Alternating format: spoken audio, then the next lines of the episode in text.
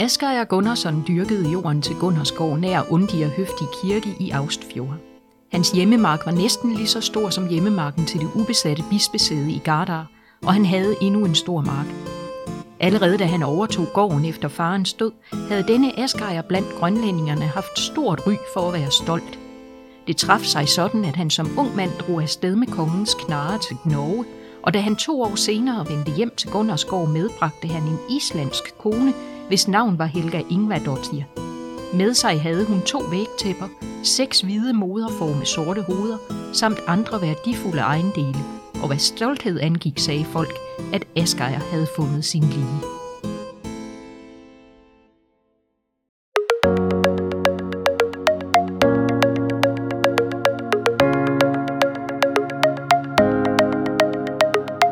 Velkommen til Æseløre Ringsted Biblioteks podcast om bøger.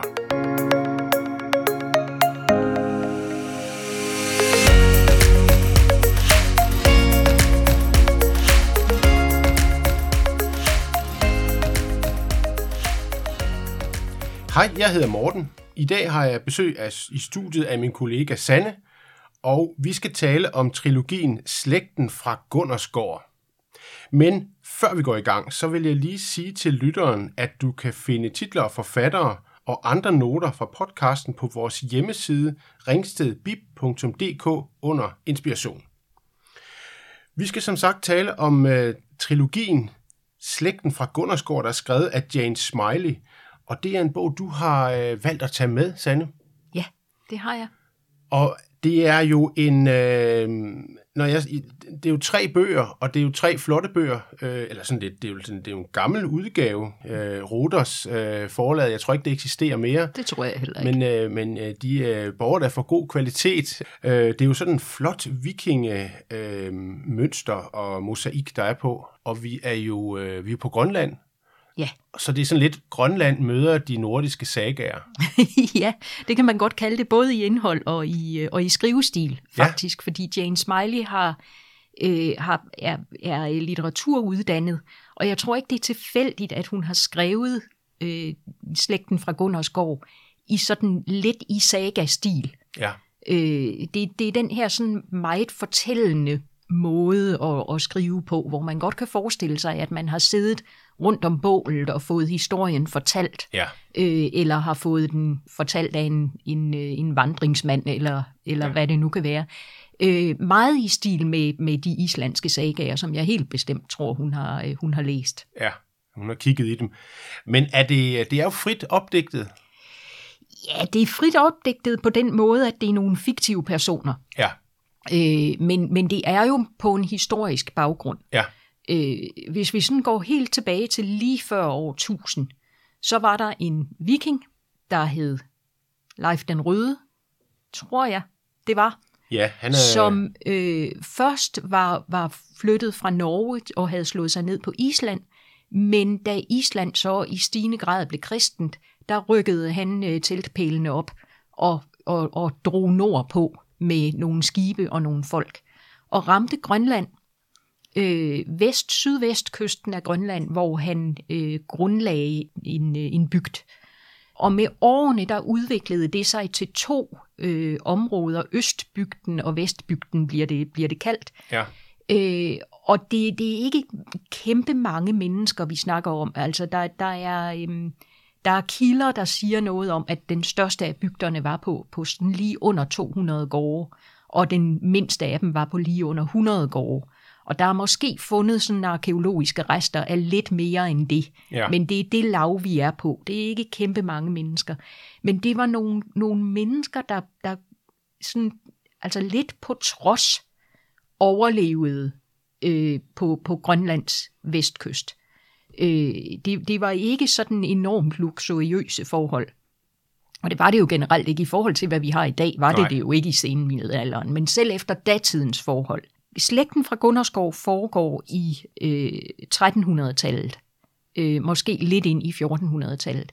Og det er på et tidspunkt, hvor klimaet har forandret sig lidt. Der var, der var faktisk generelt i middelalderen et lunere klima, end vi har i dag, men på det her tidspunkt begyndte det at blive koldere igen. ja, pesten kom til Europa, og det betød også, at, at hvor øh, de her to grønlandske bosættelser før havde kunnet få forsyninger og, og var blevet støttet fra Norge og fra, og fra Island især, så, så, så svandt de forsyningslinjer lige så stille ind. Der, der, er, der er for eksempel ikke blevet udnævnt en ny bisp på, på til det grønlandske bispesæde. Nej. Øh, på, på det tidspunkt, hvor, hvor, øh, hvor slægten fra Gunnerskov starter. Og det betyder jo, at de, de, har, de har udfordringer i forhold til både helt sådan lavpraktisk, altså mad, øh, tøj, træ er der praktisk talt intet af. Nej, det er jo øh, det, er det er jo de det ikke selvforsynende med.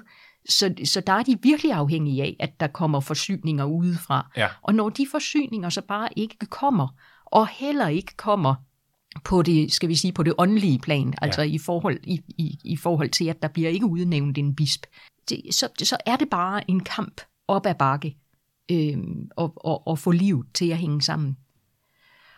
Øh, og med udgangspunkt i slægten på Gunnerskov, der fortæller Jane Smiley så historien om, om den kamp, Ja, øh, om, om dagligdagen i de her to bygder. Øh, både, både sådan det helt lavpraktiske øh, daglige, men, men også, jamen, når der en gang om året er, er ting, hvad, hvad er det så, der foregår på tinget? Hvad er det for nogle øh, for et retsvæsen, ja. øh, man har, som jo mildt sagt ikke lever op til vores opfattelse i dag af, hvad en retfærdig rettergang er. Nej. Men dengang jo var sådan, man, man gjorde. Ja. Altså, hvis man kunne retfærdiggøre, at man havde slået en mand ihjel, og man i øvrigt havde nogle gode venner, der ville sværge på, at ja, det var retfærdigt, jamen så slap man for straf. Ja, Det vi ville mene var straf i hvert fald. ja. Så, så, så der er en masse ting om, om, øh, om livet i de her bosættelser, som hun, øh, som hun fortæller og kommer rundt om, gennem de mennesker, der har udgangspunkt i, øh, i Gunnerskov. Ja. Altså, når man sådan lige kigger på bøgerne og, og, øh, og ser lidt på, øh, på setup'et, så er, det jo, så er det jo sådan en, man bliver sådan, man kan næsten mærke den her nybyggerstemning mm. i maven, ikke? hvor ja. Ja. man kommer til et helt nyt land, man skal prøve at, at opdyrke mm. og civilisere.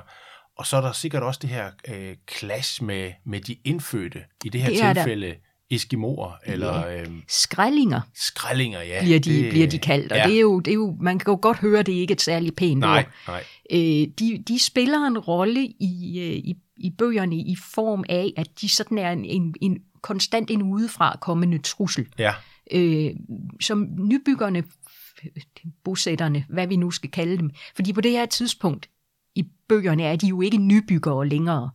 Nej. De har jo været der i, i 400 år, ja, eller slægterne har været der i, i 400 år, så de er Ja. jo ikke egentlig nybyggere længere. Men de skal stadigvæk kæmpe for overhovedet at være der og for at overleve. Og deres forhold til skrællingerne er ikke, at de har kigget på de mennesker, der var der i forvejen, og har tænkt, jamen hvad er det egentlig, de gør? Det burde vi måske også gøre for at kunne leve her. ja. Deres forhold til på, dem ja. er, at de kigger på dem og tænker, at det er jo nogle ugudelige hedninge. Øh, så så de, de, de, de, de falder dem ikke ind, at man måske kunne få noget ud af et samarbejde. Nej. Og det er jo et syn, man har ofte som nybygger øh, rundt omkring. Øh, ikke? vi, har, vi har hørt det vi før. har hørt det før, ja. ja. ja. Det har vi.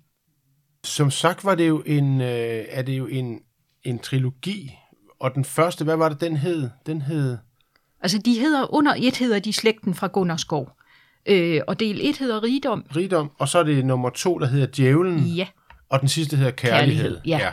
så vi, vi, slutter på, øh, vi slutter på noget positivt. På noget positivt, ja. I hvert fald i titlerne på. Ja, bestemt. Ja.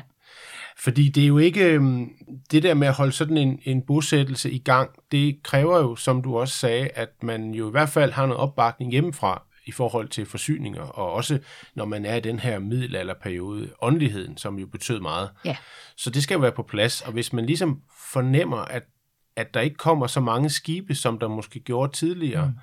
Øh, så kan sådan noget gå op øh, indenfra, altså bryde sammen indenfra, ikke? Jo. Jo. Øh, og nu skal du ikke afsløre, hvad, der, hvad det ender med, men øhm, Nej, et eller andet sted ved man jo godt, hvis man, øh, hvis man kender historien om, om nordboerne, som de blev kaldt, øh, den gruppe mennesker, der bosatte sig på, øh, på, på Grønland. øh, så ved man jo godt, at det løber lidt ud i Ja. sandet til sidst. Ja. Øh, konkret, hvad slægten fra Gunnerskov slutter med, vil jeg ikke, vil jeg ikke sige noget om. Øh, man, man følger i den, som sagt, medlemmerne af slægten, der stammer fra Gunnerskov. Øh, og, og med fokus især på, øh, på, øh, på Asgeir, som er ham, jeg læste lidt op om i begyndelsen, Som havde giftet Hans- sig med... ja. med en islandsk ja. kvinde.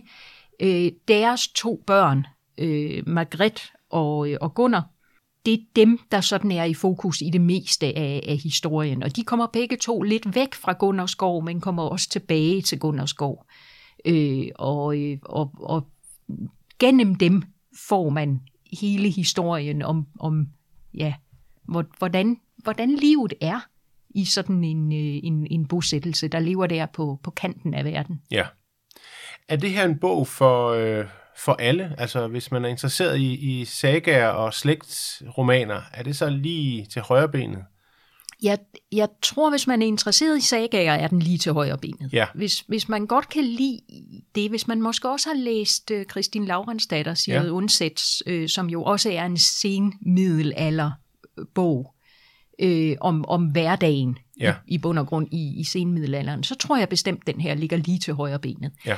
Jeg synes egentlig, at titlen Slægten fra Gunnerskov er en lille smule misvisende, fordi ja. den, den lyder lidt mere som om, der er fokus på det her med slægten. Altså Ja.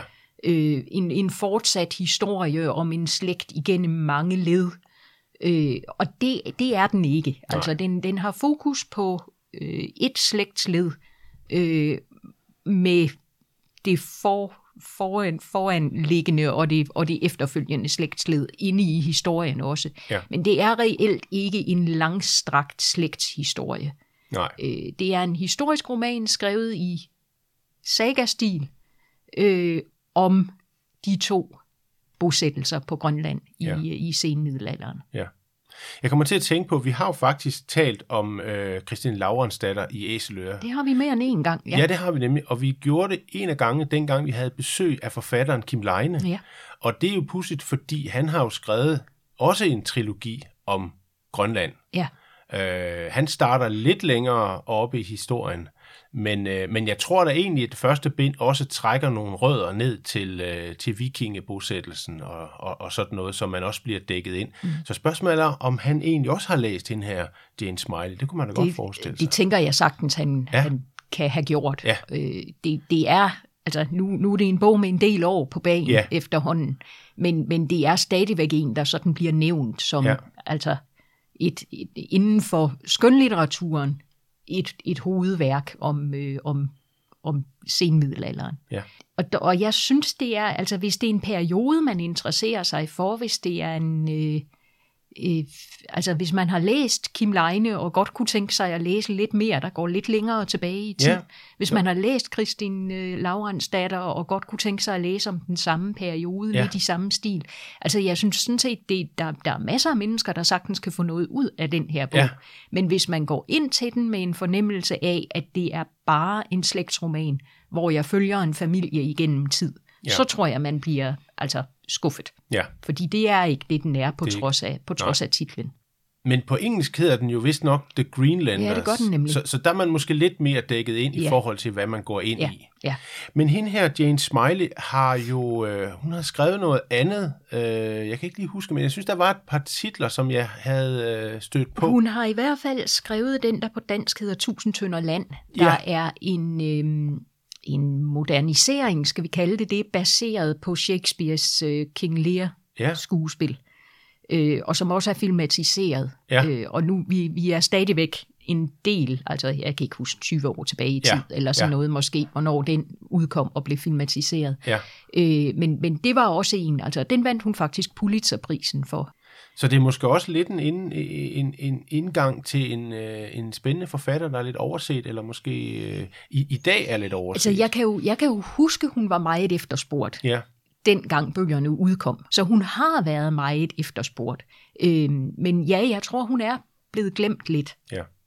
Men det har vi jo så rådet lidt bod på. Det prøver vi i hvert fald. Ja. Så, øhm, Så Jane Smiley kan du kaste over, og så kan du jo kaste over den her slægten fra Gunnarsgård, hvis du er til øh, grønlandsk øh, saga og øh, med, med strød lidt slægtshistorie henover. Så, Ja. Sådan lidt stafage. Ja. Ja.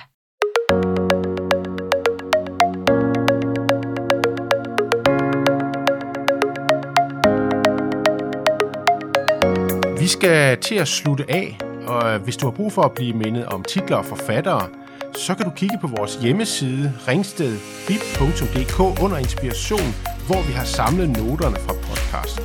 Hvis du har spørgsmål eller forslag til litterære genre eller emner, du synes, vi skal tage op, så skriv til podcast Tak for i dag.